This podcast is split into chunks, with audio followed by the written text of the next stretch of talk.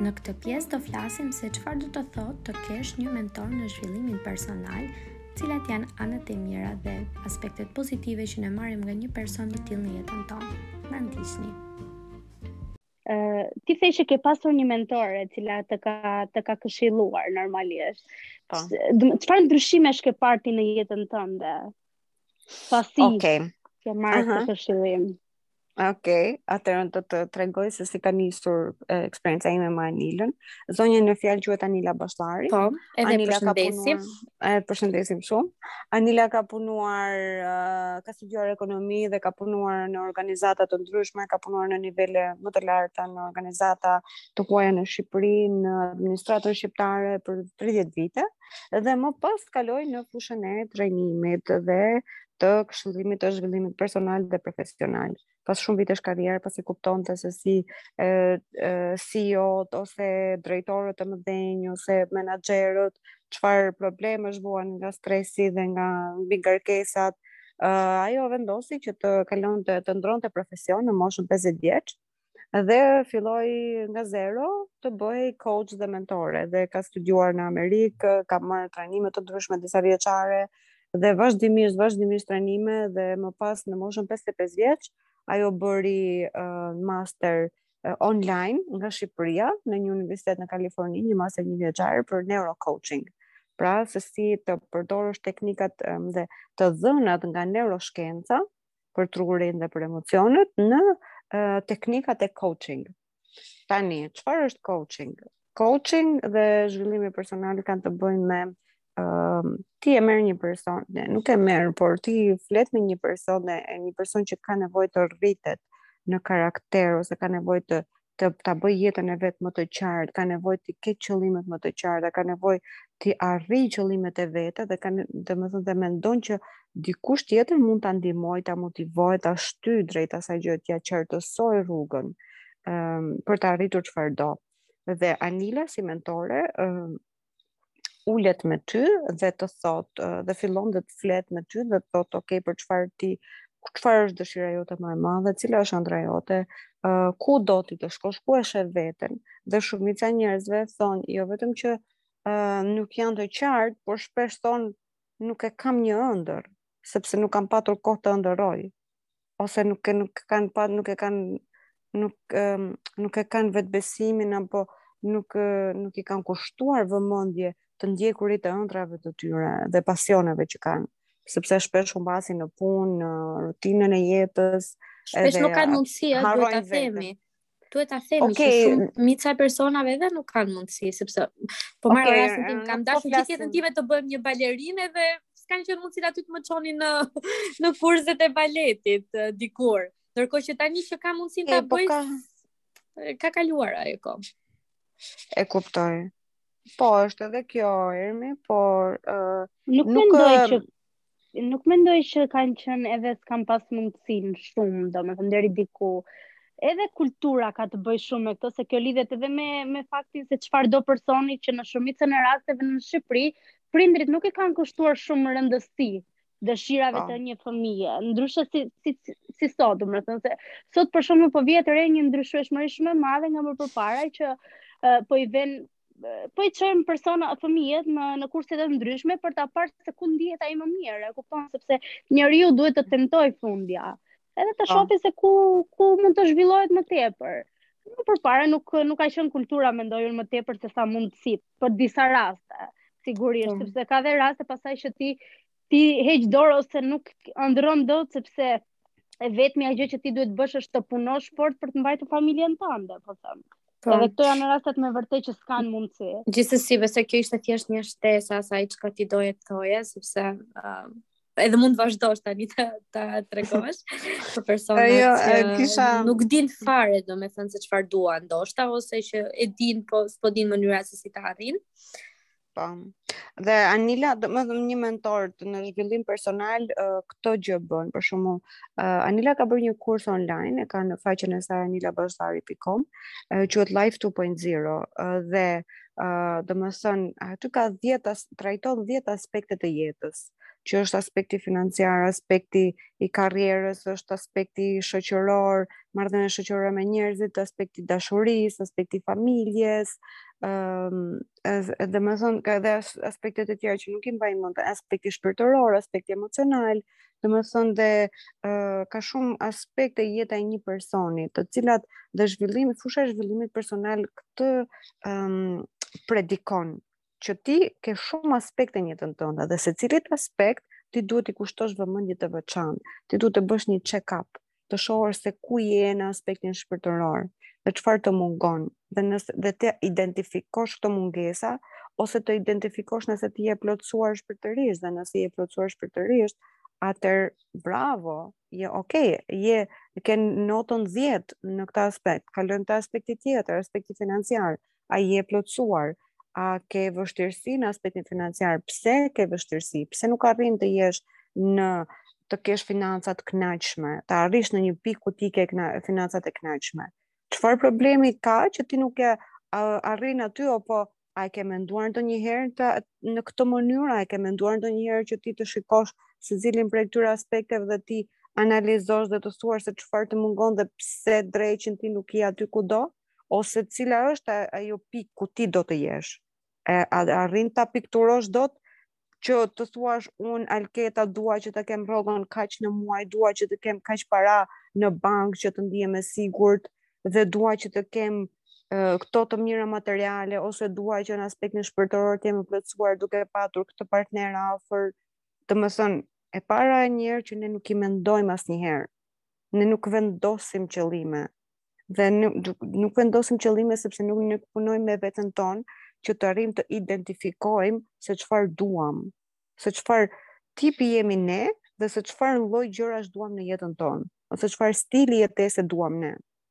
Dhe një person si Anila që është mentore për jetën, për zhvillimin personal, ajo këtë gjë bën. Si fillim, hap atë hartën në thonjëza, edhe të thot të bën një matje se ku je ti në aspektin në aspekte të ndryshme të jetës tënde personale dhe të zhvillimit personal dhe pastaj të zhvillimit profesional sepse Anila bën edhe trajnime për karrierën, për ngritjen e karrierës, trajnime për CEO dhe Por nëse ti bëhesh për shembull menaxher për herë të parë në një kompani, ë uh, menaxher i lartë, uh, Anila mund të të jap trajnim që ti ta bësh atë punë sa më mirë. Dhe ka shumë persona që i kanë të nevojshme këto uh, trajnime, por nëse ti e fiton atë vend pune, ti mendon që ti je okay, që jo gjithmonë është e vërtetë kjo. Uh, por edhe në fushën e biznesit Anila është shumë e fokusuar, dhe thjesht dua të shpjegoj se çfarë bën një mentore. Për shembull, um, unë kam kuptuar që ti vërtet mund të kesh një ide shumë të mirë biznesi, për të bërë biznes duhet të kesh shumë elemente aftësi personale ose profesionale që edhe mund të ndërtohen. Mund të kesh aftësinë e komunikimit, aftësinë e negocimit, të dish të negociosh, aftësinë të kesh motivimin e duhur dhe të kesh guximin e duhur që ti të bësh hapa në biznes, të ndërmarrësh riske, që të jenë të mirë kalku, mirëkalkuluara sigurisht. Dhe domethënë ka shumë aspekte që m, mm, kur ti për shembull hap një ke një ide biznesi, ke disa para dhe fillon e hap një dyqan ose hap një biznes, dhe ti pas një muajsh, dy muajsh ose 5, 6 muajsh ti thua o oh, bobo dështova dhe po e mbyll. Por ka shumë elemente pse ti dështove sepse nuk është kaq e thjeshtë të hapësh biznes. Domethënë, është shumë e thjeshtë të kesh kur ke para dhe ti hap një biznes, hap një dyqan ose hap një kompani, por domethënë, ekzistojnë shumë elemente teknike pse ti nuk po arrin sukses. Dhe njerëzit e neglizhojnë shumë këtë gjë në biznes.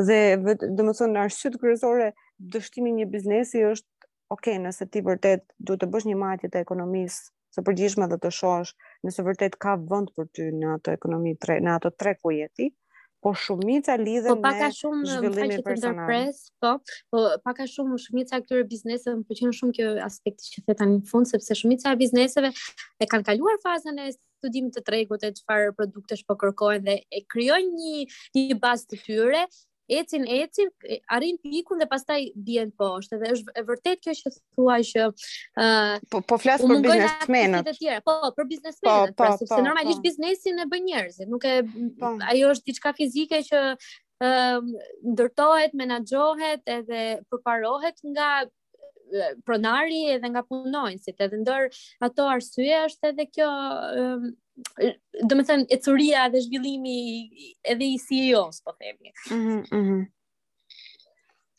Po, dhe uh, domethënë këtë, këtë bën një mentor, Ermi. Po. Një mentor të merr dhe të analizon të gjitha aspektet, domethënë te pjesa e zhvillimit personal është shumë e vlerë, dhe çdo person në botë, duhet ta ketë një hartë të tillë. Duhet të bëjë një hartë me 10 uh, elemente me 10 pjesë ku të shënojë të gjitha elementët e zhvillimit personal dhe në ti nëse je e interesuar mund ta shohësh tek faqja e Anilës anilabashnari.com i ke uh, po, programet, po, ke butonin programet dhe tek programet ka disa kurse online. Dhe nëse shkon tek Life 2.0, ti e ke të rreshtuar ato dhjetë aspektet e, shën, e, e jetës personale të një personi. Aty mjafton të bësh një hartë të thjeshtë, një, një rreth dhe ta ndash në 10 pjesë këtë rrethin dhe të shënosh secilës pjesë një emër të aspektit personal dhe të vendosësh një numër sa ndihesh ti e plotësuar në një aspekt të caktuar. dhe pastaj ti fillon duhet të fillosh nga puna që ok çfarë aftësish ose që si duhet të bëhem unë personi që duhet të bëhem që unë të arrij nga pesa tek dhjeta në një aspekt të caktuar dhe për këtë që të bësh këtë kapërcim sigurisht të duhet një mentor të ta bësh shumë shpejt, sepse ti mund të edhe të fillosh të lexosh, të shosh video në YouTube, të fillosh të identifikosh, të reflektosh mbi sjelljet e tua, të të identifikosh se çfarë të mungon dhe çfarë unë mendoj që ke si potencial. Kam filluar të bëj unë në fakt, sepse realisht duhet ta them këtë gjë që nuk e dija që në Shqipëri kishte të tillë. Kisha dëgjuar ë uh, ndoshta jo për mentor të zhvillimit personal, po kisha dëgjuar histori të biznesmenëve eksakt që ndihmohen nga persona posaçërisht për këtë pjesë, ëm ehm, um, për t'i zhvilluar në aspekte që ato nuk e kanë dorë, se për shembull ato mund të kenë ide shumë të mira edhe të dinë të mbajnë financat e biznesit, po nuk dinë të menaxhojnë për shembull punonjësit e tyre dhe është një ndër arsyet pastaj ku di unë që falimentojnë. Po nuk e po. dija realisht që ekzistonte në Shqipëri, domethënë që edhe në Shqipëri ne kemi personat e duhur ë uh, që merren me të tilla gjëra sepse po po po ta mendosh edhe e them gjithmonë që ne në Shqipëri bëjmë të famshëm budallend, më falni që po përdor këtë term, ë uh, edhe këtyre personave që duhet nuk u japim zë, si me thënë, ose ndoshta ajo dhe nuk e ka të nevojshme, sepse personat me të cilët merren pastaj siç po na tregon ti neve bëjnë marketingun më të mirë. Ë uh, por që këtë doja të thoja që nuk e dija dhe procesi që kam vazhduar unë ose që kam filluar unë me veten ka qenë nëpërmjet videove, ka qenë nëpërmjet librave, edhe dua ta them edhe ta theksoj dhe është dhe një ndër arsyet pse unë hapa podcastin, kanë qenë podcastet. Domethënë, mm -hmm. um, duke mm -hmm. dëgjuar nga personazhe të tjerë, se si um, janë zhvilluar shpirtërisht, emocionalisht, um, çfarë i ka ndihmuar ato për të rigjetur uh, frymëzimin, si kanë dalur nga periudha të caktuara të jetës së tyre, edhe më kanë ndihmuar jashtëzakonisht shumë, por më pëlqen shumë ajo që po thua sepse ok, un marr shumë shumë informacion, po çfarë të bëj me këtë informacionin? Kupton, nuk është se ato më po japin po, punosh, një, një, po. po, nuk është se më japin një një rrugë pune se si se si unë po, mund ta pra zhvilloj dhe... veten dhe çfarë më mungon. Se unë mund unë mund të mendoj që ku di unë jam e keqe si me thënë në në të dëgjuarin e problemeve, po marrim uh, një aftësi uh, të, që duhet ta ketë një person. Uh, por ndoshta un kam probleme diku tjetër, më kupton? Edhe këtë pa. nuk arri dot pastaj ta realizoj uh, si projekt ose si si punë me veten. Po prandaj, për dhe prandaj ekziston një mentor që ty të mhm. ndihmon mm -hmm. që të kalosh sa më shpejt. Dhe un kam vënë re një gjë, domethënë, edhe kur për shembull këto self-made self starters, persona që fillon një biznes të vogël vet. Po gjëja më e vështirë është të punosh vetëm dhe jo, sepse ti nuk e kupton sa e vështirë është të punosh vetëm, ë uh, vetëm kur ti merr një person tjetër në punë që të thot, ok, u bë kjo gjë, u bë kjo gjë, domethënë bëra progres në këtë pjesë, fola me 10 klientë sot, Nuk e ke idenë sa të motivon. Nuk e mhm. është si magji.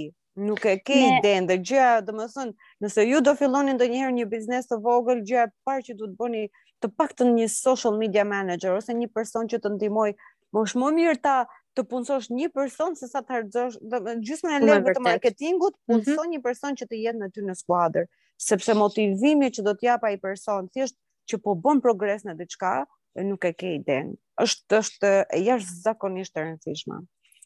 Të jap të drejtë 100%. Dhe imagjino, domethënë, po. jo, më fal, se ndërpreva.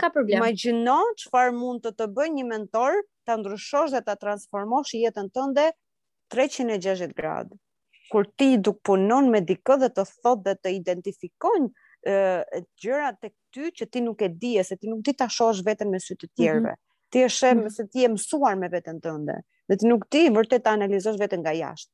Por një person që është mësuar të, të, të analizojë njerëzit dhe të identifikojë problemet, potencialet talentet që ti mund të që mbase ti nuk e di që i ke, thjesht nga mënyra se si ti flet ose nga fjalët që ti thua ose nga dëshira që ti shpreh domethënë gjatë punës me mentorin, ë uh, sa të lehtë ta bën ty punën dhe sa shpejt po, dhe nga transformon jetën. nga motivacioni që të jep mbi të gjitha. Po absolutisht sepse një nga anët po, pozitive po. të tua sepse si njeri, ë uh, uni jot është i fokusuar të paktën po flas për veten time, po besoj edhe për Alesian që më shumë të shikosh anët negative se sa anët pozitive. Po besoj që po, ndër rolet e testuar men... shkencërisht që po. ne shohim tetë gjëra negative dhe një pozitive gjatë ditës. Domethënë marrim tetë po edhe mendim, po shumë e vërtetë kjo gjë. Edhe dhe... edhe ishte interesante sepse kam dëgjuar një eksperiment që mund të bësh, domethënë për të parë se sa negative domethënë je si person në jetën tënde, është të provosh ta sfidosh veten që për një javë të mos ankohesh fare. Po, oh, stop complaining. Ndër, është ndër sfidat më të mëdhaja që mund t'i bësh vetes. Domethënë, shikosh anën pozitive në çdo gjë. O nuk e di, po se Ermi ti më njeh më mirë se siç po thoni veten ti nuk e njeh dot aq shumë se të shohin ose nuk e shef dot në sytë të tjerëve. Unë jam një tip që përgjithësisht, përgjithësisht i i gëzohem ose mundohem të vlerësoj ose të shoh më më pozitive te vetja ime. Ermi? Fol të lutem. Po, jo, unë jo, jo. mendoj që je një motivuese shumë e mirë në fakt. Prandaj dhe të kam shoqe. Ndër arsyet, ndër arsyet. Eh, unë jam shumë e përfshirë në këtë në këtë temë edhe, realisht po të dëgjoj me aq shumë vëmendje Geta dhe po më pëlqen aq shumë. Të falenderoj. Sa që seriozisht, Seriozisht nuk dua të mbarosh, të betohem më duhet. Po s'do mbaroje, jo, se do ta mbaj këtu gjatë. do t'i tregoj jo. të gjitha. Më më duket sikur me vërtet jam duke bërë një një seancë, po them, një seancë me një person. Me një person realisht edhe në... që di kaq shumë dhe flet kaq kaq bukur edhe kaq real, domethënë. Edhe realisht në fakt këtë doja, këtë doja të të pyesja, po e pata lënë për më vonë, po gjithsesi po ta drejtoj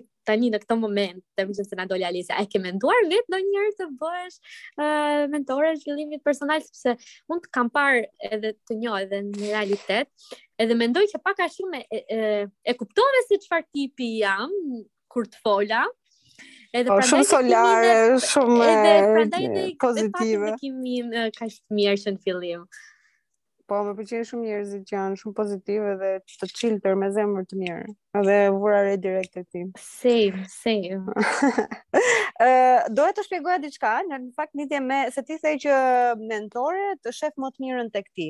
Dhe po. absolutisht domethënë një mentor, sepse një psikolog e sheh një person që i shkon në zyrë, person që ka kaluar një traumë, person që e ka një problem, person që ka diçka jo të errët, por që ka probleme me veten, ose që ka domethënë dhe mundohet, dhe absolutisht, kur ti shkon te psikologu, ti shkon dhe prek plagën tënde. E kupton që nuk është në, në vetvete, nuk është një eksperiencë pozitive. Mbase është eksperiencë e nevojshme, sepse duhet të rikthehesh, po, dhe duhet është vetëm një mënyrë që ta analizosh, po është vetëm një mënyrë që psikologu të të kuptojë se çfarë ke kaluar, edhe të të analizojë, edhe të të shpjegojë se çfarë, nga çfarë po vuan. por një mentor uh, thotë jo, ti je një njeri plot potencial, ti një njeri që thjesht nuk e ke motivimin në jetën tënde, që nuk e ke një person që të motivon ose nga eksperienca të ndryshme ti nuk je motivuar dhe ti je i zhgënjyer dhe ti absolutisht që do ia dalësh dhe ti absolutisht që mund të bësh çfarë të duash ti, sepse mentorët e shohin një person si një person pa limite që mund të arrijë çfarë të dojë me pak motivim dhe të bëhet kush të dojë. Një dhe Jungu ka këtë shprehje sepse Jungu është psikolog, po ishte psikolog që ishte shumë i lidhur me astrologjinë. Edhe pak më ndryshe se të tjerët, jo psikolog um, si ta them si këto që vërtet të prekin në plagën edhe si psikolog normal Terapist, sepse ishte Jungu po e, sepse Jungu ishte Jungu dhe uh, Jungu thotë që ti nuk je personi që, eksperienca që ke kaluar ose sa herë të kanë shar, ose sa herë janë tallur me ty, apo sa herë ke bërë gabime, apo sa herë je ndjerë keq me veten. Ti je personi që ti vendos të bëhesh, se vërtet nëse ti je person që vendos të bëhesh dikushi në jetë, e bën e ke atë dëshirë, jo, fakti që ti e ke atë dëshirë dhe atë mendim, do të thotë që ti je ajo ajo gjë. Faleminderit ti... sa po e the, faleminderit shumë sepse besoj fort. sepse ka, po, sepse ka persona që thjesht rrin, martohen dhe rrin njerëz mesatarë gjithë jetën. Edhe unë jam po shumë e bindur. Po vendosin që të jenë ashtu. A thjesht është vendimi i po. tyre. Nuk të pengon njeri që ti të lexosh libra.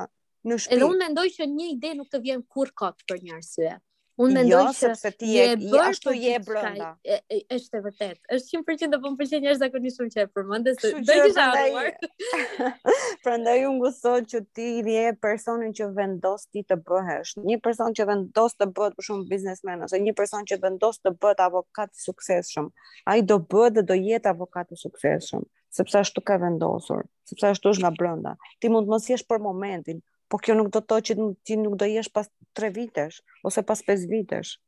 Është thjesht, jo, nëse ti e ke këtë dëshirë, vetë qëllim do do gjesh gjithmonë atë rrugë që do të çojë në atë qëllim, pa, po, do e kesh para po. syve, do po. marrësh gjithmonë ato veprimet e duhura për ta arritur ëndrrën që ke, edhe aty ku është ndonjëherë, ndonjëherë është edhe çështje destinimi.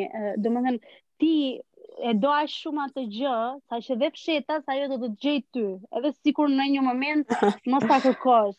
Për shembull, unë mar, do marr shembullin e Ermit, edhe gjithmonë e përmendim shpesh me rastin e e Gjermanisë për shembull, që ajo me vërtet nuk kishte e kishte me vërtet një dëshirë shumë shumë të madhe për të shkuar dhe të studiuar atje, sa që ne para shumë viteve diskutonim dhe thonim, Oh, sikur të shkojmë këtu. E ke parasysh? Ishte një po. kështu, një ëndërr që për ne ishte me po, vërtet shumë e lartë. Po, e di sëri Ermit. Po, më ka pëlqyer shumë sëri Ermit. Ishte, po. ishte me vërtet shumë çështje fati. Okej, okay, ajo bëri edhe se tani nuk mund të presësh ndonjëherë se njerëzit janë të çuditshëm.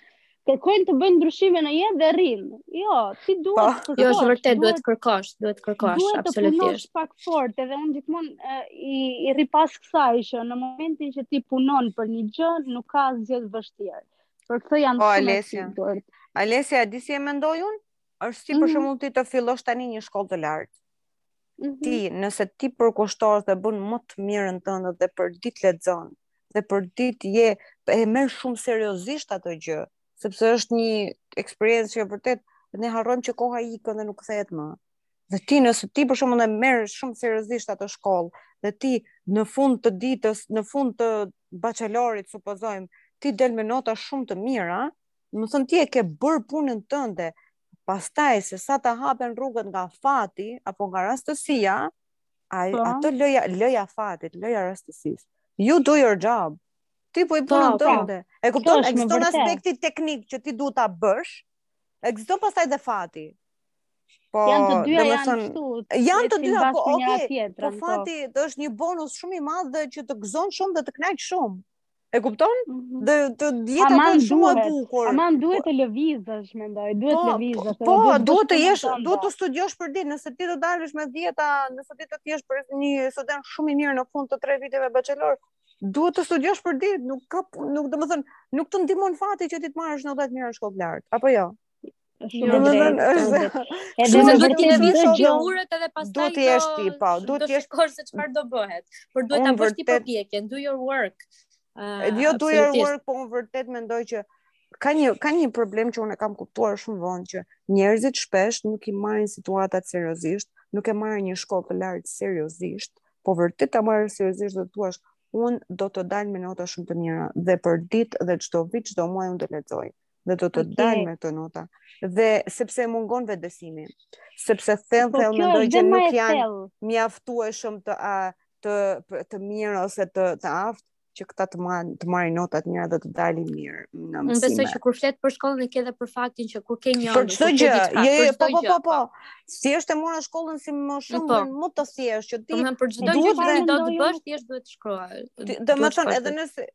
Po, nëse ti për shembull je në shkollë, nëse supozojmë që thyen këmën ose edhe je dhe sëmurë, nuk e di, do ndodhin gjëra më të këqija, ti nëse përpiqesh dhe lexon, ti prap do dalësh me nota shumë të mira.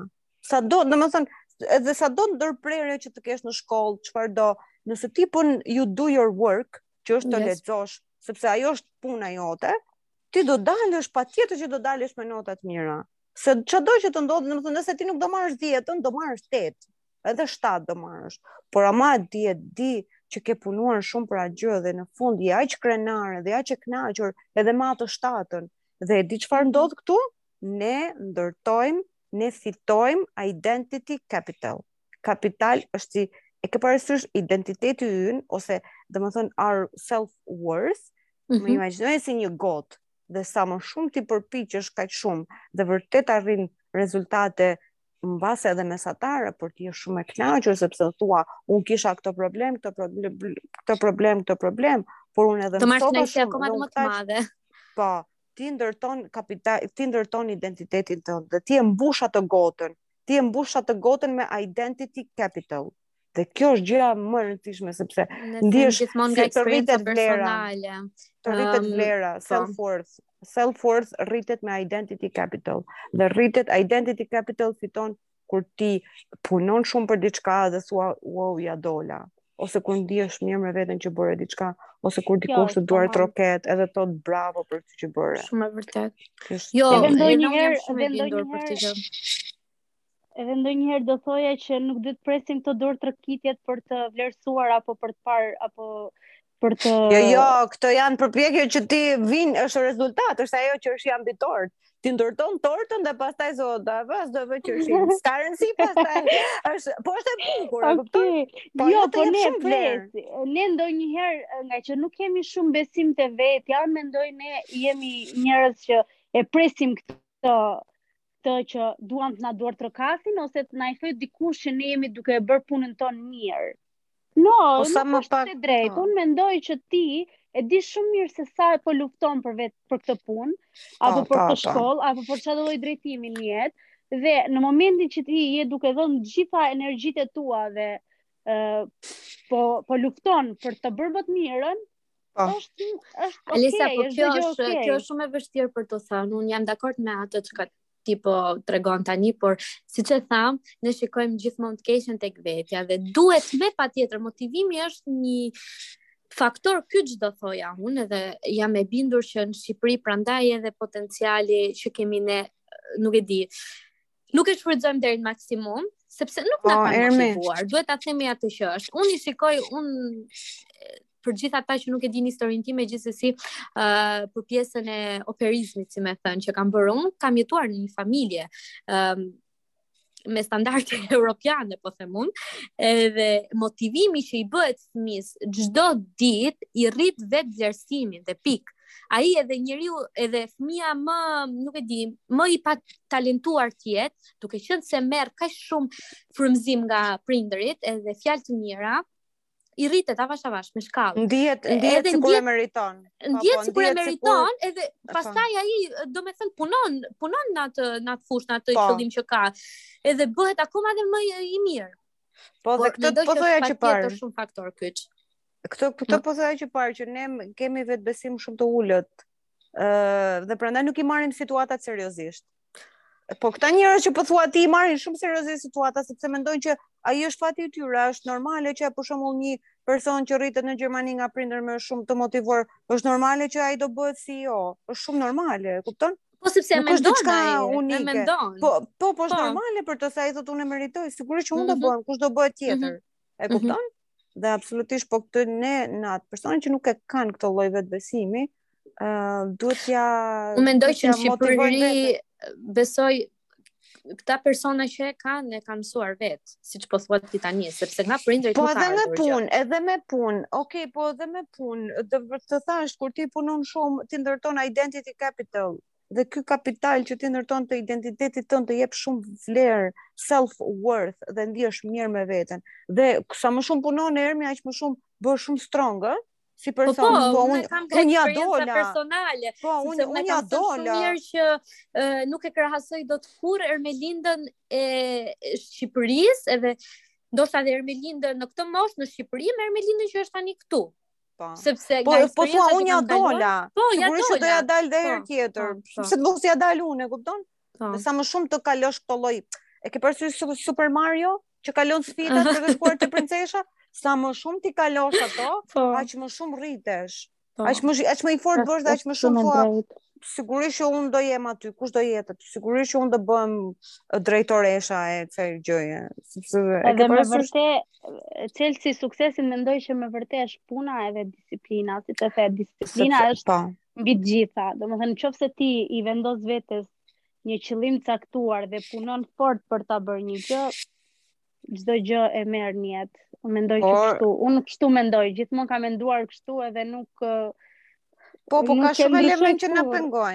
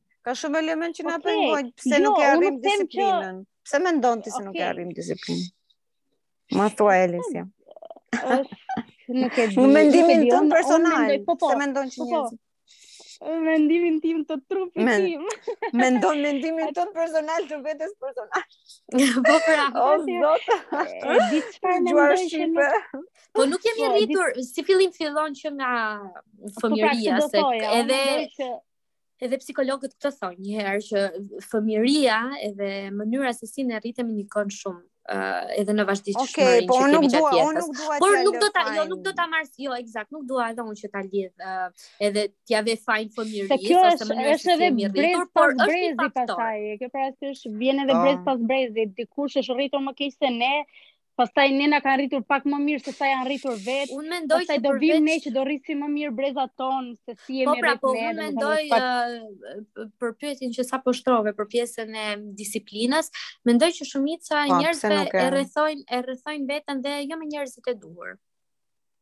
Edhe um, nuk po, kanë motiv, nuk kanë nuk kanë jo, nuk kanë ku ta shikojnë disiplinën, ku ta shikojnë motivacionin e po, njerëzit, po, por nuk ka rëndësi të kesh model. Ta shikojnë, ta shikojnë ekzakt në një model, pra. Edhe kjo është një faktor shumë i rëndësishëm. Për mua ka qenë model Anila.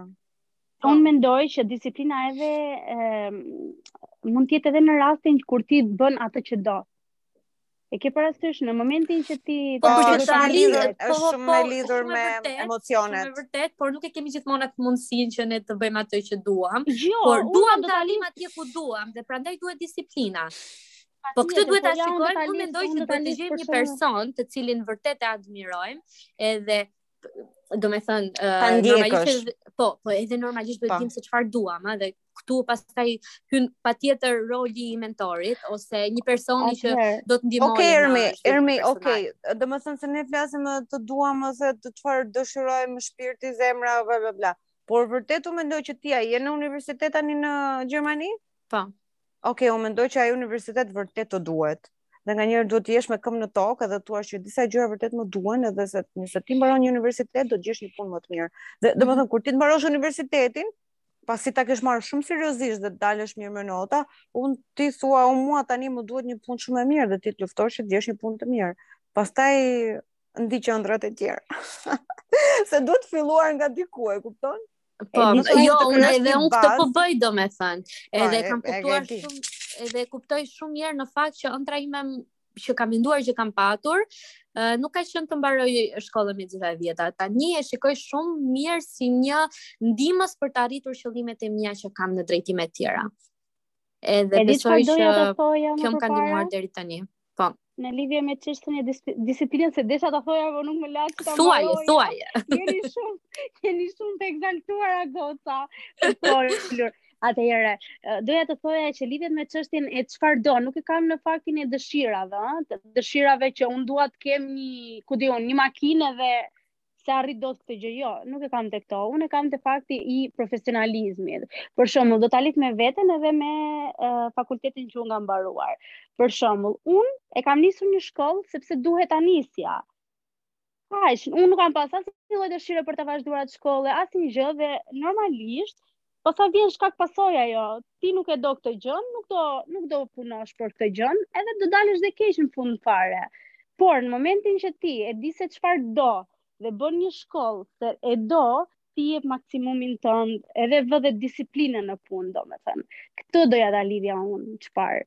Po, edhe, prandaj besoj që mm, edhe përmendëm për po edhe këtë e the shumë mirë. Po. Mendoj që ajo um, këta besoj mund ta um, e konfirmojë më mirë se sa unë, e kishte me faktin kur ti e ke si qëllim dhe do ta vazhdosh atë shkollë, jo sepse e fillove nga halli. Po pra, po ja, tjetër... dhe të flasim pak më realistë, këtu në Shqipëri shumica e njerëzve dhe shumica e të rinjve, vazhdojnë diçka sepse i thotë mami, i thotë babi, e janë të injektuar, sepse nuk Ku di unë se çdo lloj një milion arsye të tjera. Po, po Alesja. Shumë e vërtetë, po e di, e di nga vjen kjo Alesja? Vjen nga fakti që si është në komunizëm, prindërit tanë janë mësuar që në komunizëm, nëse ti kishe një shkollë të mirë, ishte të hapëshin po. dyert e jetës. Ti po, shkoje, domethënë, shkoje në Tiranë të, të zhvendosin në një punë të mirë kështu dhe ne, e di ç'është problemi pra i të rinjve shqiptarë që jetojnë me prindërit e tyre.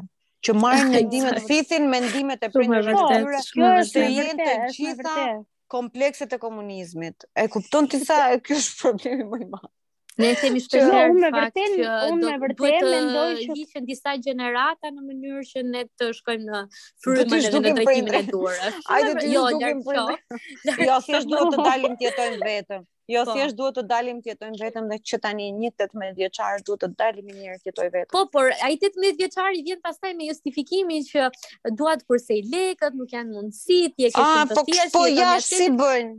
Po pikërisht, pikërisht këtu dua dal tani. Po pra po jo, vë ti veten në këtë në këtë pozitë, se ndoshta duke vendosur veten në pozitën e vështirë që të duhet gjesh lekët e qerasë,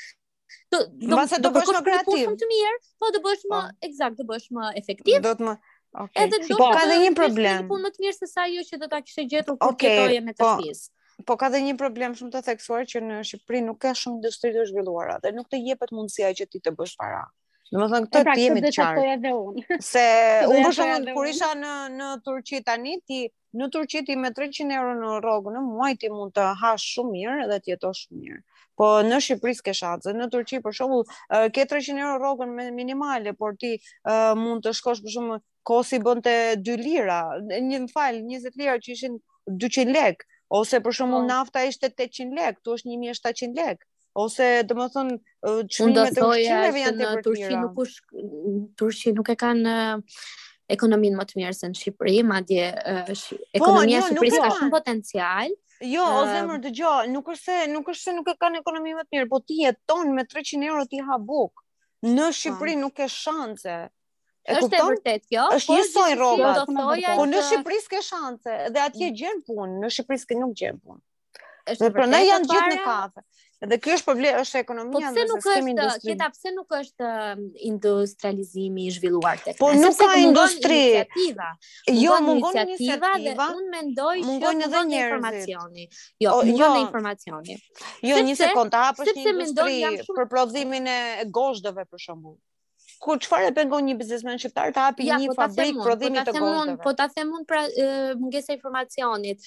Është fakti që qeveria, unë jam shumë e bindur që në ato ligjet e shumta që ne s'i dimë dhe në ato fondet janë posaçërisht për bizneset e reja dhe për uh, ndërmarrje, sepse shtetit nuk i duket, do me thënë, shtetit patjetër që i intereson që të zhvillohet ekonomia dhe që të ketë sa më shumë biznese, sepse do mbledhë taksat e veta, do, uh, do ketë pastaj më pak të papun, e shumë e shumë gjëra të tjera.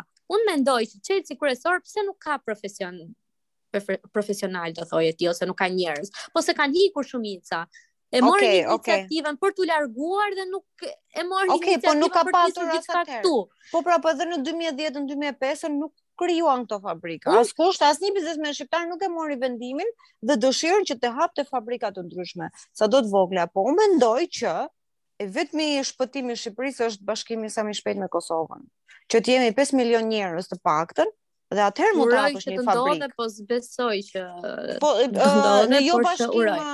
Jo bashkim i dy dy shteteve plotësisht sepse nuk do ndodhi, por po, absolutisht ne tani po me këtë ligjin që sigurimet shoqërore janë të njësuara dhe mund të të njihen edhe ato përpara, domethënë të të gjejë një punë një kosovar, një shqiptar i Kosovës të gjejë një punë në Tiranë tani në Shqipëri, është shumë e thjeshtë sepse i njihen mhm. të gjitha sigurimet shoqërore që ka që ka patur në Kosovë, edhe kupton domethënë të bëhet ky liberalizim i punësimit dhe atëherë mund të hapet një fabrikë që të ketë njerëz për të punuar, sepse dhe s'ka njerëz. Me sa di unë edhe dogana është hequr në Kosovë, po, Shqipëri nuk ekziston më. Dhe nëse, që... po, dhe këto do më thënë do mund të sjellin që ne të jemi një popull 5 milionsh, që atëherë mund të marrin biznesmenët po, vendimin që të hapin një fabrikë. Do i ndalojë kjo gjë të rinjtë të largohen nga shteti.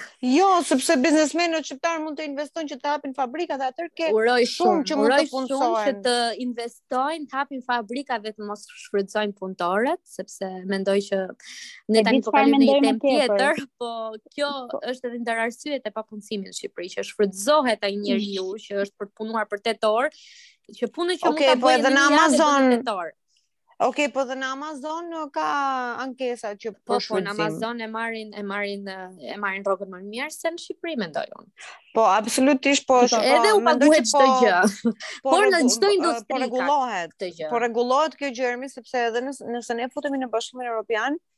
sigurisht që pastaj do jenë shumë të ndryshme rregullat, ëh, se ti nëse ti je në Bashkimin Evropian, ti nuk nuk ke shanse të të, të heqësh dikë nga puna. Edhe unë këtë uroj për Shqipërinë. Do të paguash dy vite të ardhshme të rrogës. Kështu është ligji apo jo? Gjithsesi unë mendoj që në Shqipëri uh, ne jemi dhe pak popull shumë i çuditshëm do thoja. Se ne më mirë zgjedhim të rrim, se sa të punojmë qoftë edhe për 100.000 lekë. Nuk e di, jo, kjo nuk e di. Ehm. Okej, se kemi remitancat. Se kemi lekët nga po, nga ta, emigrimi. Nga emigrimi, patjetër, po... Po edhe nuk, nuk ka punë. Ma... Jo, edhe nuk ka punë. Nuk jo, ka. Keta, unë mendoj që, okej, nuk ka, jam shumë dakord, por ke dhe raste që ti nuk, nuk do ta bësh një punë. Ti shkon jashtë shtetit, po marr... Po pra, se është çështje, po pra, se është qështje... Je i gatshëm sepse... të bësh edhe një punë qoftë, ku di unë, të pastrosh, ndërsa në Shqipëri nuk e bën. Po sepse merr lek edhe të vlerësohet dinjiteti. So, unë vërtet të po punoj, po unë marr lek për këtë gjë, në Shqipëri nuk e mhm. marr po jo, atë lek. Po jo, se dhe këtu, po dhe këtu ke disa vënde të cilat të ofrojnë mundësi të mira, po themi edhe në këto lojë. Po disa, nuk janë të shumta, këtu jemi... Okej, Alesia, e di çfarë kam kuptuar? Alesia, e di çfarë mhm. kam kuptuar që njerëzit kanë talente të ndryshme, dhe nuk janë, domethënë, industritë më të zhvilluara në Shqipëri është marketingu, është call center, është po. programimi, po jo të gjithë janë të prirur për ato gjëra. Ka njerëz që janë të prirur të shtyjnë një karrocë edhe atë punë ta bëjnë përditë. E di sa ka, jo, domethënë, më shatarë, më gjushen, dhe të shkojnë, për... të shkëtojnë të uh, zanate kam potenciale në ndryshme. A ka më njerëz që e trashëgojnë zanatin e këpucarit sepse po shkon në zhdukje, unë e kuptoj që çdo gjë do automatizohet, po Po ka njerëz që ndjejnë kënaqësi nga ajo po, gjë, nga puna e këpucarit. Po, edhe aty e gjejnë veten në një dyqan të vogël aty. Aty është potenciali i tyre dhe është shumë okay. Po këtu po, në vërtet pra, nuk ka. Kjo është është problemi më i madh, mendoj. Andaj janë të rinj që jetojnë me prindërit. edhe e marrim ato të komunizmit. Po. po pra, Gjithsesi edhe aty të, të kthehemi pak te ajo pika se po. devijuam shumë edhe dua të bëj një pyetje tjetër tani. Po. Tani si mendon ti Keta? A është më mirë është, domethënë mirë që të mentorin ta kenë vetëm të rinjtë, e sugjeron vetëm për persona të rinj apo edhe për persona më të rritur në moshë? Ok, uh, këtë mentorin duhet ta ketë, uh, për shembull Ermi tha që unë kam vënë re që në Shqipëri ka biznesmenë që marrin trajnues, sepse mm -hmm. për mhm. të, se si të zhvillojnë stafin e të tjera. Oh. Por një biznesmen mund të jetë shumë i suksesshëm në biznes, mund të ketë aftësi shumë të mira negocimi, mund të jetë bëhet shumë i pasur, Por ai biznesmen ose ajo biznesmene nuk ka fare balancë midis jetës personale dhe punës. Dhe ka shumë biznesmen që i kanë familje të shkatërruara. Mm -hmm. E mhm. kupton? Dhe kjo të sjell shqetësime emocionale dhe shpirtërore dhe ti ndihesh thua, ok, unë kam gjithë këto para, po për çfarë më duhen nëse unë për shembull nuk jam i afërt me familjarët e mi, me gruan time, me bashkëshortin tim, ose me fëmijët e mi. dhe uh, ose për shembull kur fëmijët marrin rrugë të keqe sepse ti u jep vetëm para dhe ti nuk di t'i ndihmosh të ndërtojnë personalitet dhe të ndërtojnë karakter të tyre të fortë nëpërmjet punës dhe uh, ka shumë ka shumë biznesmen që kanë shumë ose ka shumë biznesmen që bën kalojnë burnout sepse vetëm punojnë e punojnë dhe nuk dinë të menaxhojnë kohën dhe absolutisht një mentor mund t'i ndihmonte këto biznesmen që të arrijnë balancat e duhura dhe harmoninë e duhur në jetën personale dhe profesionale. Dhe mentor duhet të ketë dhe një person, një biznesmen 60 vjeç që nuk i ka marrëdhëniet mirë me familjen, sepse nuk di, mund të jetë njeriu më i mirë për biznes dhe për negocim dhe për të arritur marrëveshje tregtare, por nuk di se si të sillet me fëmijët dhe gruan e tij. sepse nuk i ka ato aftësi, sepse çdo gjë kërkon aftësinë e vet dhe kërkon po. teknikat e veta. Dhe absolutisht një mentor i duhet mentor ka nevojë kushdo që ka një, për, që nuk ndihet të thashë në fillim, merr bëj një hartë të vogël me 10 elemente, me 10 aspekte dhe bëj një rreth, një pikë në mes të rrethit dhe ndaje në 10 hapësira. Vendos emrat e 10 aspekteve për të shtë jetës tënde, shpirtërore, emocionale, fizike, shëndeti im, uh, mendore, domethënë, emocionale, jo mendore, më fal, financat, karriera, familja, marrëdhëniet me miqt, dhe shikoje se ku je, dhe vlerësoje vetën se jepi e, një numër, je te njëshi apo te dhjeta, te pesa apo te gjashta, dhe kur ti ta bësh atë hartë, Ti pastaj vendos pikat ku ke nevojë, ti përcakton aspektet ku ke nevojë të punosh me një mentor. Në që të krijosh marrëdhënie më të mira shoqërore me njerëzit, që të krijosh marrëdhënie më të mira më të ngrohta familjare, që të kesh një karrierë më të suksesshme, ku ku e do ti. Dhe kjo është mentori i duhet çdo njeriu, se çdo njeri mm -hmm. nuk e di a ekziston një njeri që është 100% i plotë, që e ka të hartën 10 10 10. Jo, absolutisht që jo, sepse jo. Sepse për të ndërtuar një marrëdhënie shoqërore se më fal, një karrierë ose element të tillë, duhen aftësi që ti nuk i di. Nuk e edhe këto duhet të t'i mësojë dikush. Nuk është vetëm nuk jemi vetëm ne ato që ndikojmë tek këto aftësi. Prandaj edhe nuk mund të arrijmë uh, plotësisht potencialin tonë, sepse ka faktorë tjerë që na ndikojnë. Po, edhe që priten.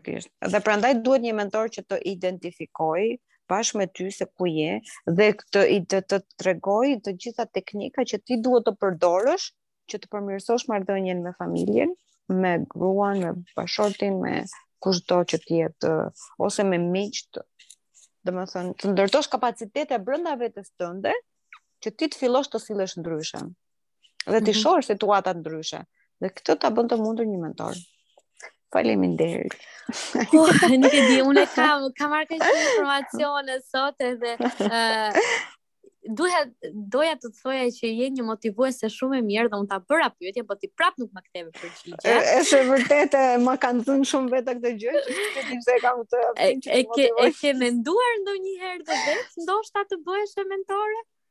Uh, më pëlqen njerëz zakonisht shumë me gjithë zemër të ndihmoj njerëz dhe mendoj që se unë e shikoj kam shumë, shumë potencialin tek ty realisht. Po. unë kam shumë dëshirë që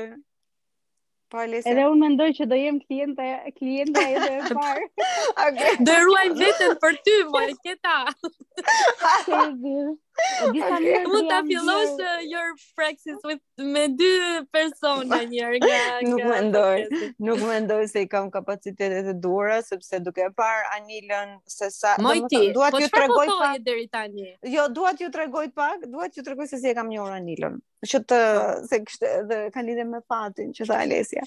Uh, unë e kam takuar rastësisht, ok, uh, fillova në 2014 fillova një punë tek Invest in Albania, është një website që merret me lajme mbi ekonominë, turizmin e Shqipërisë. Dhe uh, përballë kisha kisha marrë pjesë, nuk e di rastësisht në një trajnim te Protik. Dhe unë e kisha zyrën mu përballë Protik. Dhe një ditë shoh që uh, Protik ngaqë e ndiqja në Facebook po bënte një event për uh, sipërmarrësit shqiptar, domethënë që ishte i ftuar një biznesmen shqiptar dhe do të fliste mbi eksperiencën e vet, ishte nga Kosova, Lejtin Berisha. Edhe unë thjesht shkoj ngaqë e kisha shumë afër, e kisha përballë dhe pas dite, pas punës. Dhe aty takoj një djalë që ishte kishte bërë këtë eventin, quhej Endri, Dhe Endri kishte studiuar jashtë dhe të tilla dhe kishte patur disa role të rëndësishme në qeverinë e Sali Berishës, kishte qenë këshilltar i Berishës për fushën e telekomunikacionit, teknologjisë, më fal.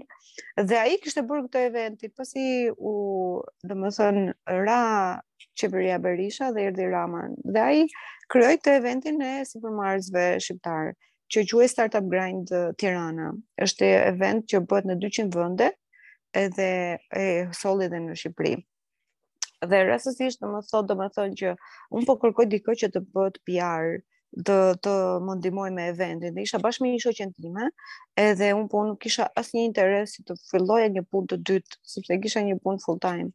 Edhe i thash, ok, flasim dhe ajo shoqja ime ishte më interesuar se unë. Edhe të dyja i dham uh, numrin e telefonit. Dhe një ditë më merr në telefon edhe takohemi. Edhe i them ku është vajza tjetër, edhe më thot, "Jo, të ftova vetëm ty. Doja të flisja vetëm me ty." Dhe kështu nisi uh, eksperienca ime një vjeçare shumë intensive si PR tek ky eventi Startup Grind Tirana. Dhe unë një ditë, rastësisht, takoj Anilën tek Startup Grind Tirana, edhe i them një mikut tim të ngushtë, i them, kam takuar një zonjë që merret me, sepse Anila më dha kartëvizitën e saj, edhe kishte të shkruar eksperte në fushën e zhvillimit personal dhe profesional. Dhe ishte hera e parë në jetën time, në 2014-ën, që unë takoj një zonjë që një person që merret me zhvillim personal sepse unë nuk e dija çfarë ishte fusha e zhvillimit personal, nuk e kisha dëgjuar kurrë më parë. E, uh, domethënë, i them mikut tim, kam takuar këtë zonjë dhe m'u duk shumë e, shumë, domethënë, e çuditshme, e çuditshme po diçka ndryshe e veçantë e re në Tiranë, dhe duke qënë se jam person që vdes për gjëra ndryshe, dhe uh, e bëj friend në Facebook, dhe unë, nga që nuk besoja fare te ligji i tërheqjes, tallesha me miqtë e mi për sekretin, libri sekreti, dukej shumë qesharak dhe absolutisht është ende qesharak. Ë uh, më thot uh, i bëj një pyetje në lidhje me ligjin e tërheqjes, por në mënyrë shumë ironike. Sepse unë kisha përshtypjen që Anila mund të ishte si gjithë këto të tjerë që thjesht më fal për shprehjen, ia fusin kot. Edhe thonë, o, oh, tërheqja, tërheqja, tërhiqja dhe do vijë. siç ishte në 2014 që u bënë pak qesharakë. Edhe, por në fakt Anila më kthen një përgjigje shumë inteligjente dhe me shumë finezë dhe me shumë kulturë, edukatë. Edhe aty kuptova, domethënë aty kam ndryshuar menjëherë qëndrim për Anilën, sepse kuptova që nuk ishte si gjithë të tjerët dhe i them mikut tim që kam takuar këtë zonjë dhe thot, po pse nuk bëhesh, pse nuk shkon e ndihmon, më tha ky shoku im. Dhe domethënë, pse nuk shkon të punosh për të? Dhe unë s'e kisha menduar ndonjëherë të punoja për një person, thjesht të shkoja të, shkoja të rrija me të dhe të punoja për të. Dhe unë, uh, e se, okej, okay, të shkoja, ma dha ai idenë, Edhe e takoj Anilën një ditë, takohemi tek Tirana Hotel, se kishte një event. Edhe i them Anila që kam vendosur që më pëlqen shumë kjo gjë që po bën, shumë e re, shumë e veçantë dhe dua që të punoj për ty, mbase të të ndihmoj pak me mediat sociale, të të ndihmoj pak në marketing. Edhe Anila thotë, sapo ishte në fillesat e para të profesionit të saj, edhe thotë Ok, dhe ti nëse unë do të marr në trajnimet e mia dhe do të jo mendoj që kjo eksperiencë do të të shërbejë shumë edhe ty, edhe do të prezantoj me fushën e zhvillimit personal dhe me çfarë bëj unë. Dhe këtu ka filluar një eksperiencë 5 vjeçare midis meje dhe Anilës. Dhe absolutisht jam shumë mirënjohëse dhe po ta them që ka qenë fati që më ka edhe që më ka çuar tek startup grind që ka qenë një eksperiencë shumë e vlerë, që të njohësh biznesmen dhe të flasësh dhe të bëhesh pjesë e botës së biznesit, sepse të heq shumë barriera që ke ndaj biznesit. Mm -hmm. Kur mhm. ti je afër dhe je me ata njerëz dhe bisedon me ta. Dhe kjo është shumë e rëndësishme dhe duhet vërtet të merrni pjesë nëpër evente të tilla. Dhe uh, pastaj domethënë edhe kjo me Anilën shumë rastësi dhe shumë asnjëherë jo e kalkuluar, jo e menduar, por thjesht ka ndodhur. Një gjë që un kam mësuar, domethënë, ë jo mësuar, por që do do, do doja t'ua, t'ua këshilloja njerëzve nëse ti nuk ke mundësi që të kesh një mentor në jetë reale sepse gjëja më me vlerë është ta kesh nga afër, të kesh një person nga afër që ti vërtet e vërtet beson që është shumë më i mirë se ti. sepse unë kjo është arsyeja pse unë kam ndenjur me Anilën, sepse vërtet mendoja që ishte ëm um, kishte shumë për të më dhënë. Kishte kisha shumë për të për të mësuar nga ai person, që është person me vlerë dhe ato, ato që thotë janë gjëra inteligjente dhe që qëndrojnë dhe që unë nuk i di, po ajo i di. Praktikisht kishte dhe... një model, pra që po, doje po, ta po. Du, duhet pak a shumë. Ti, po, një mentori yt duhet të jetë një person që ti e zgjedh, që ti vër, vërtet me me gjithë your core you mhm. believe mm -hmm. që ai person është më i mirë se ti, të, të di më shumë se ti që është kompetent të të mësojë ty. Nëse ti beson këtë gjë, është lidhje emocionale, është shumë emocionale, sepse uh, ti, uh, nëse ti beson këtë gjë, të gjitha gjërat që ai që ai person të thot, ti do t'i ndjekësh dhe e, do jetë shumë efektive puna me këtë person. Sepse kur ti lidhesh emocionalisht me një lloj informacioni, e përthith menjëherë dhe nuk e harron asnjëherë. E kjo është edhe në lidhje me leximin e librave. Domethënë, kam 3 vitet e fundit, 4 vitet e fundit, unë kam lexuar shumë, edhe kam parë shumë video, whatever, dokumentare, sepse kam qënë freelance, Dhe nuk kam qenë shumë aktive në tregun e punës, të them të drejtën, por kam parë këtë pjesën që kam lexuar dhe kam studiuar dhe me kurse online dhe me libra dhe un kam lexuar vetëm çfarë ku ka shkuar dora ime, ku ka shkuar kurioziteti im. Dhe të gjitha ato gjëra nuk e ke idenë sa më kanë përmbushur dhe më kanë bërë të ndihem shumë mirë dhe ndihem e ngopur në një as, në një farë mënyre. Dhe vetëm kur lexon dhe mëson gjëra që ti vërtet i ke qejf, i mban mend dhe i përdor në jetën reale, nuk i harron. Dhe është shumë e rëndësishme lidhja emocionale kur ti lexon një libër apo kur ti bën një kurs online. Kështu që mos harxho kohë duke u marr gjëra që vërtet nuk Ok, shkolla është diçka tjetër, ëh, sepse nëse unë për shembull tani filloj një shkollë të re, bachelor mund të ketë dhe libra ose lën uh, lëndë që mbase nuk më pëlqejnë. por që është diçka që duhet bërë, duhet mësuar, sepse jo më kot ekziston ai sistem dhe ato lloj lëndësh janë të lidhura me njëra tjetrën. Dhe është një sistem i tërë që të të japi një mendësi të re, të të japi një mënyrë të të re të menduari dhe të vepruari. Domethënë nuk janë të rastësishme dhe duhet respektuar. Për këtë gjë mund ta respektoj, por është tepër e rëndësishme vetedukimi, sepse vetëm aty, vetëm atëherë ti e kupton se çfarë vërtet do dhe ku Në e ke parasysh ajo shprehja pick a side? Në çfarë as në po. which mhm. side are you? Në të mhm. cilën an, uh, anon ti dhe aty fillon ndërton karakter, aty fillon ndërton identitetin tënd shumë të fortë, që çfarë besimesh ke. Aty fillon e ndërton kur ti merr vetedukim. Dhe... Cilët janë librat që do rekomandoje uh, për persona që ndoshta siç e përmende dhe ti, nuk e kanë mundësinë për të patur një mentor në po, uh, jetën po. e tyre? Sepse mënyra më efektive, po, mënyra më efektive e mundshme është kur e ke mentorin nga afër, sepse ti e mhm. sheh mm -hmm. uh, se si vepron, si e jeton jetën, është shumë ndryshe. Domethënë, nëse do doni që në të ardhmen të kishit një mentor kur ta keni mundësinë për të patur një mentor, sepse ju jeni vajza që keni growth mindset dhe fakti që ju po i bëni këto gjëra dhe keni këtë mendësi dhe dhe nga diskutimi e shoh që absolutisht jeni vajza që në të ardhmen do bëni shumë të suksesshme dhe do keni projekte oh, suksesshme. Sepse kjo është jo vërtet, ka vajza që janë duke ndenjur në kafe dhe ju të dy jeni duke bërë diçka Domethënë se po podcast ju merr kohë. Edhe po. pse mbase nuk keni return of investment, ashtu siç do jo, doni ta kishni. Jo, ne bëjmë kënaqësinë më të madhe, mendoj unë, është pasioni po, jonë. Po, sepse dhe... doni të mësoni dhe po, keni po. growth po. mindset, prandaj thash dhe uh, nëse në të ardhmen do kur ta keni mundësinë që të keni një mentor, kur ta gjeni në jetën reale, mund të jetë edhe shefi juaj, mund të jetë nuk e di, një koleg, duhet ta keni afër. Domethënë, është mënyra më efektive për të mësuar. Pastaj, po. kur nuk e ke, por në momentet që nuk e ke, që nuk ka ardhur ende në jetën tënde ai person, që do të vijë, absolutisht kur je person i tillë, gjithmonë do ta identifikosh një person që do bëhet mentori yt, në forma nga më të ndryshme. Uh, kur nuk e ke, duhet që për shembull një person që ka është i huaj, supozojmë që ka shkruar libra në anglisht. Ë uh, nëse ti unë kam kam zbuluar një uh, ekspert marketingu në Amerikë, e kam zbuluar rastësisht nga Instagram, nga uh, LinkedIn dhe ai ka një blog dhe ë uh, mënyra më e mirë që ti të fitosh të të të arrish të kuptosh gjithë mendësinë e atij personi dhe gjithë filozofinë e tij, është që të fillosh të lexosh të gjithë artikujt e blogut dhe të fillosh të lexosh të gjitha librat e tij.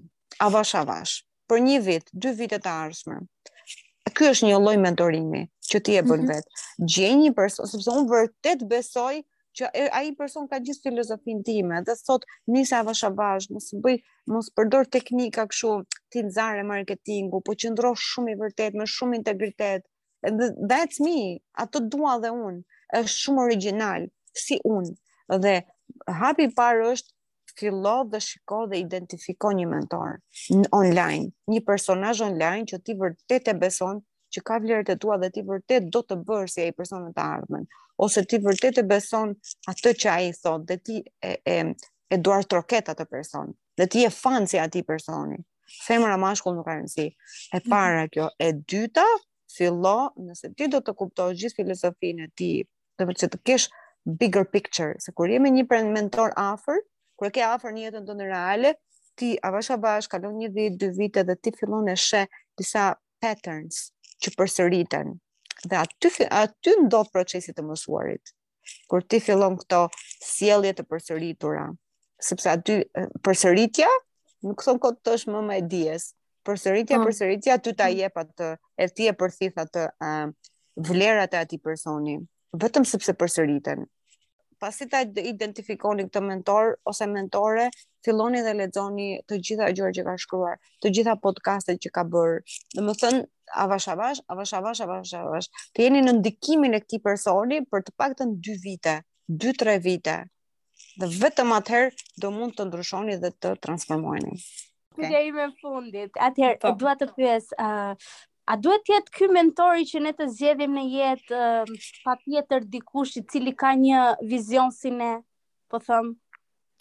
A duhet ne të okay, kemi të njëjta dëshira ose nuk e di, kjo më lindi si pyetje papritur. Jo, por duhet një person që ti je fanse. I bëhesh fanse atij personi. Thua, unë e mbështes, unë jam mbështes i idetë e këtij personi. Unë vërtet mendoj që kjo ose që vërtet e ke parasysh një person që ty ta merr mendja, E ke parasysh mm -hmm. një person po s'po ma merr mendja? Ok, një person që ti vërtet ta merr mendja, që ti thua e e kupton që ka diçka të veçantë dhe që vërtet mund të bëhesh fansja e tij që ia mbështet mendime që do ta duartrokisje që do i shkoje në eventet e tij ose të saj, ai është pra mentori yt. Një njeri që e admiron për çdo po, gjë që po, ka bërë po. dhe ka arritur edhe mendon që për mesazhet që shpërndan. Po. Edhe mendon që nuk do të të këshillojë kurrë gabim. Po. Po. Po. Edhe mbi të gjitha vetëm kur krijon do të japë më të vërtetat, mendoj se. Mhm. Po.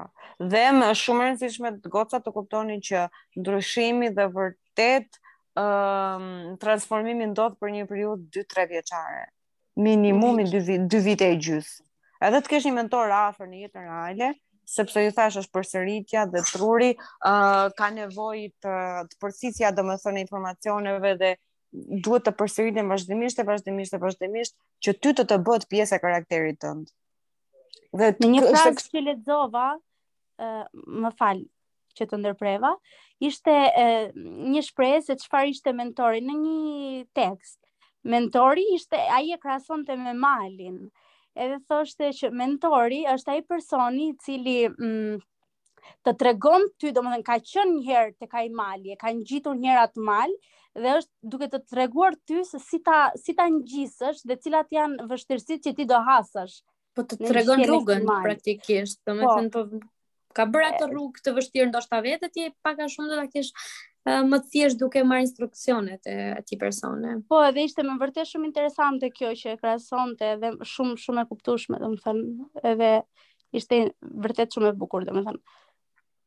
Po, duhet të jenë persona që i kanë kaluar, po se ka ka shumë edhe persona që mashtrojnë online, që mund të kesh edhe 1 mhm. milion domethënë ndjekës, po që thon ca gjëra budalliqe që ty s'ta merr mendja. Nuk lidhen fare me ato që ti mendon, po. Po, është po, me vërtet. Që ti mund të gjesh një, për shembull, ky mentor që un kam për marketingun, Dhe unë kam vendosur, biles vjet vendosa të bëja këtë gjë, që unë të lexoja të paktën dy, dy artikuj të tij çdo ditë, që të isha në influencë të vazhdueshme. Një artikuj, dy artikuj, tre artikuj gjatë javës, të isha në influencë të vazhdueshme, vazhdueshme, vazhdueshme, që fillon edhe e përthith. Aty ku do me dalë, aty atë e di ti, se parimet, parimet dhe e, po, parimet mund t'i përthithësh, dhe t'i bësh të tuat vetëm me përsëritje të vazhdueshme. Dhe prandaj them minimumi 2 vite. Duhet të jesh mhm. në influencën e dikujt, prandaj duhet zgjedhur një person që vërtet e beson shumë, që duhet ta studiosh avash avash, e studion, e mhm. studion dhe pastaj vendos ta të të përthithësh atë çfarë ai thotë. A meqë tashmë përmende këtë emër, këtë uh, foljen uh, influencim, e tani po mendoj pa. Po. se kë quajmë ne influencer uh, këto kohë, por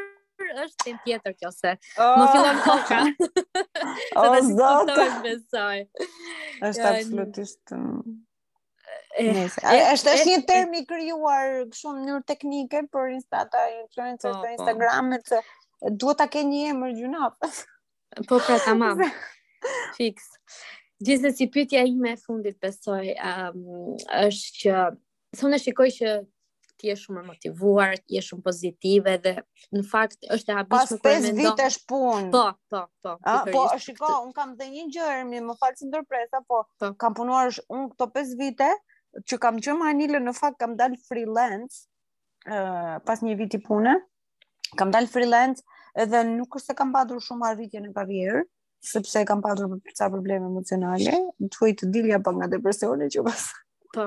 Edhe, uh, por, uh, kam lexuar shumë dhe kam, fakti që kam lexuar shumë dhe kam patur kohë të lirë, edhe të rri me Anilën, edhe të lexoj të bëj punë, domethënë, punë me veten time kam reflektuar dhe ka ndodhur një proces tjetër, që kam reflektuar shumë mbi gjithçka që ka ka ndodhur në jetën time deri tani.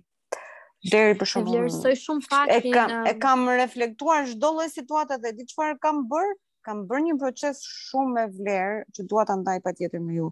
Që po. jo, përveç se kam reflektuar, unë kam kuptuar qëndrimet e njerëzve të ndryshëm përballë meje dhe kam zbuluar të vërtetën time. Kam zbuluar për shembull pse kam bërë një veprim që mbase ishte i gabuar.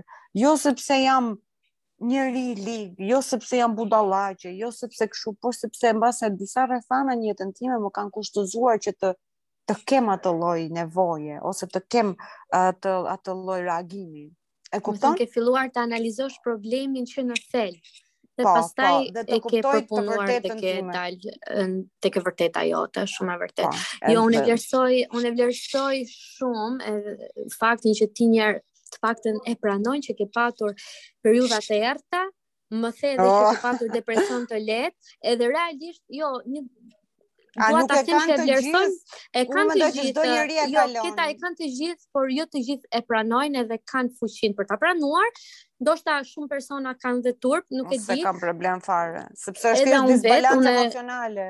Edhe unë e them se kam patur periudha të errëta në jetën time, kur flas për periudha të errëta, flas për um, shëndetin emocional, siç e përmendëm, po, edhe po. Po. Uh, uroj shumë dhe këtë dua ta theksoj edhe dua t'jua jap këshillë të gjithëve atyre që na dëgjojnë në këto momente që ta flasin gjithmonë atë që ndjejnë edhe ta po. realizojnë edhe ta perceptojnë atë që po ndjejnë dhe mos ta ndrydhin veten dhe mos thonë që jo këtë unë s'mund ta ndjej sepse po ti mund ta ndjesh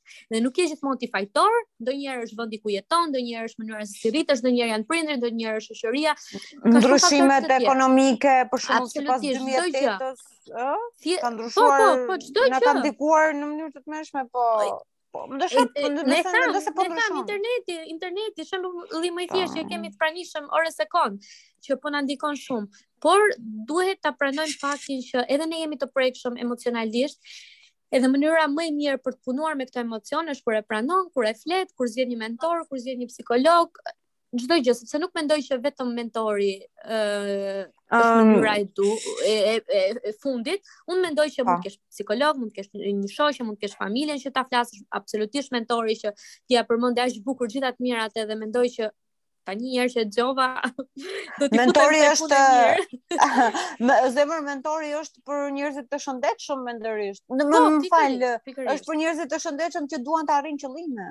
Pikërisht. Nuk është për njerëzit, e vetëm për njerëzit e sëmu. Të, që po kalojnë një periudhë, po, është, është edhe për, për edhe ata persona, po. por është më shumë është për njerëzit që duan të arrin qëllime të arrin sa më lartë. Po. Por që nuk i kanë kapacitetet e të respektit, duhura, domethënë të karakterit dhe të si, sjelljet po. e duhura dhe mënyrat e duhura të menduarit që të arrin aty. Mm -hmm. Se këto janë gjëra që nuk i shohim. E ke parasysh kur ti ndërton kur krijon një tortë, edhe të duhen vezët, të duhen mielli, të duhen këto. Domethënë këto janë gjëra materiale që ti e di që edhe bën po. recetën, edhe ti i merr gjithë ato elementë. Kurse të të të bësh biznes të arrish në një qëllim të lartë, ti është si kjo torta.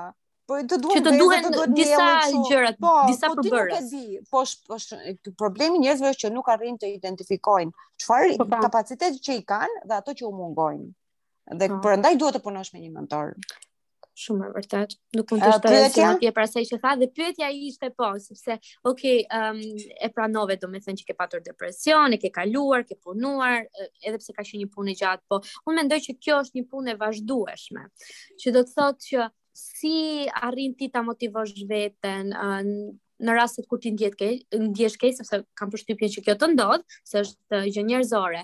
Ëm um, si arrin ta gjesh motivimin? Është gjithmonë i drejtohesh pastaj mentorit, domethënë shkon sërish tek Anila apo tashmë ke një rutinë tënde mm, ke disa gjëra që i ke implementuar në sjelljen tënde që ok, e di, domethënë në rastin kur uh, ndihesh keq, ok, do bëj këtë gjë, sepse kjo më ndihmon ose të paktën çfarë do doje t'i këshilloje dhe të tjerëve, mua, Alesias, se di mësimet e tua në këtë pjesë. Nuk nuk kam një moment që ndihem keq. Nuk ndihem keq po. për asnjë gjë sepse të thashë kam bërë një gjë me veten time me shumë vlerë që unë jam rikthyer çdo gjë që kam kaluar në jetën time dhe kam zbuluar të vërtetat e mia dhe e, i kam larë duart me të shkuarën time me çdo gjë që kam kaluar dhe kam pranuar domethënë dhe mënyrë dhe kam ndërtuar karakter shumë të fortë vetëm nga ajo ai proces reflektimi dhe uh, domethënë i kam falur njerëzit që mund të më kenë lënduar i kam hedhur mbrapa krave e kam parë të vërtetën time që unë nuk jam e keqe apo domethënë uh, dhe kam kuptuar që asnjë gjë nuk e kam bërë me qëllim të lig, apo të keq apo të lëndoj dikë. Dhe kjo më ka më jep shumë qetësi shpirtërore që nuk jam person i lig, domethënë në thellësi të vetes sime, pasi kam analizuar në shumë thellësi çdo situatë që mua më lëndonte ose që kur kur i rikthehesh e kujton sikur ke një ndjesi të keqe. Dhe kjo më ka, domethënë pasi e kam kaluar për 2-3 vite e kam bërë këtë gjë, vazhdimisht kam punuar me veten time. Ëm, um, kjo më ka dhënë domethënë shumë motivim dhe është një shumë qetësi shpirtërore që unë nuk kam asnjë problem me askënd, edhe nuk ëm, um, domethënë nuk ndihem keq Dhe Rihanna thot në shumë intervista që ajo njerëz që dalin publikohen në YouTube ose në në TikTok ajo thotë e, e pyesin çfarë bën në ditët kur ti nuk ndihesh mirë.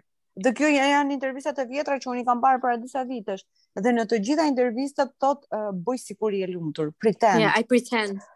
Po, e kam tani është bërë shumë e famshme. Edhe unë, është bërë shumë e famshme. Po janë intervista të vjetra ato. Ato nuk janë, të, domethënë janë bërë tani, por që unë i kam parë që kur në YouTube dhe më ka bërë shumë përshtypje kjo gjë dhe çfarë kam menduar unë. Rihanna ka patur një traumë shumë të fortë që pati dhunën nga Chris Brown dhe unë jam shumë e bindur që ajo ka punuar me psikologët më të mirë në Amerikë, so, me terapistët më të mirë në botë, të botës. Dhe ë uh, që ta kalonte dhe të mos të mos i ngelin shenja nga ajo gjë, nga ajo traumë, se ka qenë traumë shumë e fortë. Dhe ë uh, mënyra më e mirë që ti këtë disbalancën emocionale për të cilën po flisnim që parë, që ke ulje të emocioneve pozitive dhe mbingarkesë më shumë emocione negative, si mund ta arrish një tip balancën duke krijuar emocione pozitive dhe emocione pozitive krijohen thjesht duke u ngritur nga divani t'i thuash vetes jo jam shumë mirë jam shumë okay ndes televizorin dhe thjesht fillo e kërce me një këngë fillo bëj get into get get in the mood si është, domethënë, bëje veten të lumtur në një yeah, moment të zbendosë. Yeah, create your mood, I would po, say. Po, create your mood, po, dhe create a positive mood. Sepse qëfar bëjnë tek e fundit ermi antidepresantët? Thjesht japin serotonin. Po, thjesht japin stimulues, të stimulues po, pozitiv. Po, ti mund ta arrish të gjithë vetë. Ti mund të arrish të, ti mund ta krijosh stimulimin vetë. Thjesht vendose. Thjesht lësho një këngë në, telefon edhe fillo kërce edhe këndo, edhe thua jam shumë oke, okay, jam shumë happy, domethënë, mos të vërë në duhet të bindësh veten, duhet ta bindësh veten Krijoje, edhe... po, krijoje, mm -hmm. çdo ditë mundohu ta krijosh këtë lloj mudi me veten tënde që në mëngjes. Fundja edhe tek ajo gjëja negative të shofësh pozitivitetin, ose edhe tek ajo gjëja e mërzitshme ti të shofësh më të mirën, të mundohesh, domethënë, mendoj unë. Po, po, patjetër. Po, më për çfarë gjë negative e ke fjalën, sepse varet. Jo, flas që edhe te një gjë që ti ndihesh keq për shembull ose nuk e di. Për shembull, ku di unë në një moment, uh, s'e di, ka ka shkuar me trupin dit... tënd. Po jo, ka shkuar edhe një ditë po, ose kjo, ose një ditë keq në punë, ke kaluar keq me një person në punë, po vjen një moment që ti duhet të shofësh Ku di unë duhet ta shofësh pozitivisht situatën. Nuk duhet t'i marr. Duhet... Um, unë një psikiatre që e kisha në palestër në fakt një vajzë e re moshatare ime, po punonte psikiatri doktoreshë edhe më tha gjithë problemi është që ne i marrim shumë seriozisht emocionet tona. Pse do t'i mhm. marrësh kaq seriozisht që ti ndihesh keq? Don't worry, e kupton, s'ka, bë një dush, dil, dil bë një shëtitje, fol me dikë, shkëpute mendjen nga emocionet negative. Kjo është, prandaj thotë Rihanna pretend, pretend. bëj sikur. Dhe prandaj kjo është këshilla më e mirë që mund t'i kenë dhënë psikologët më të shtrenjtë në botë. Sepse mhm. të thashë antidepresantët ç'a bëjnë? Thjesht japin serotonin, po ti serotoninën mund ta krijosh në, në kur je në dhomën tënde. Mund ta krijosh. Dhe absolutisht sa më shumë të reduktosh rrjetet sociale dhe telefonin kjo që është është receta kryesore. Mm. Mendoj që ka qenë një ndër episodet më të këndshme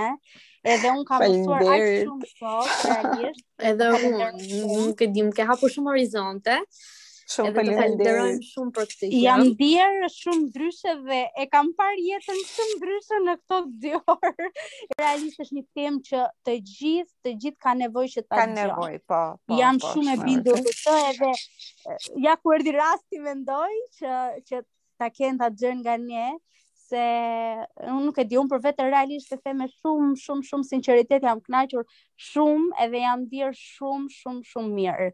Faleminderit dhe më bëhet shumë shumë shumë qejfi. Edhe unë tani nuk di ç'të them më, se të kam komplimentuar gjatë gjithë kohës, por realisht faleminderit shumë për të gjitha këshillat që na dhe, për të gjithë këtë S'e di, bën dot kuptim uh, për këtë temë që është shumë shumë shumë e rëndësishme dhe ju lutem e thashë edhe do vazhdoj ta them punoni fort për këtë. Falenderoj shumë edhe unë. Edhe unë ju uroj gjithë të mirat, edhe jeni vajza shumë të mira dhe do bëni shumë më të mira në të ardhmen. Në aspektin profesional dhe personal jeni shumë ok, po po them profesional dhe të arrini çfarë që të arrini çfarë ju dëshironi. Ndiqeni Ketën në Instagram në frekuenca 4. Neve e dini ja, ju punën tuaj, siç është, ku ishim, okej po ikim, edhe ne kemi në Instagram, po ashtu edhe të na bëni follow në Spotify, edhe në Apple Podcast, po ashtu edhe të na bëni review që të na ndihmoni edhe ta bëni share podcastin me miqtë tuaj, sepse unë e them gjithmonë që gjërat e mira nuk mbahen për vete, por ndahen me të tjerët. Um, dhe kaq kishim për sot, ju falenderoj shumë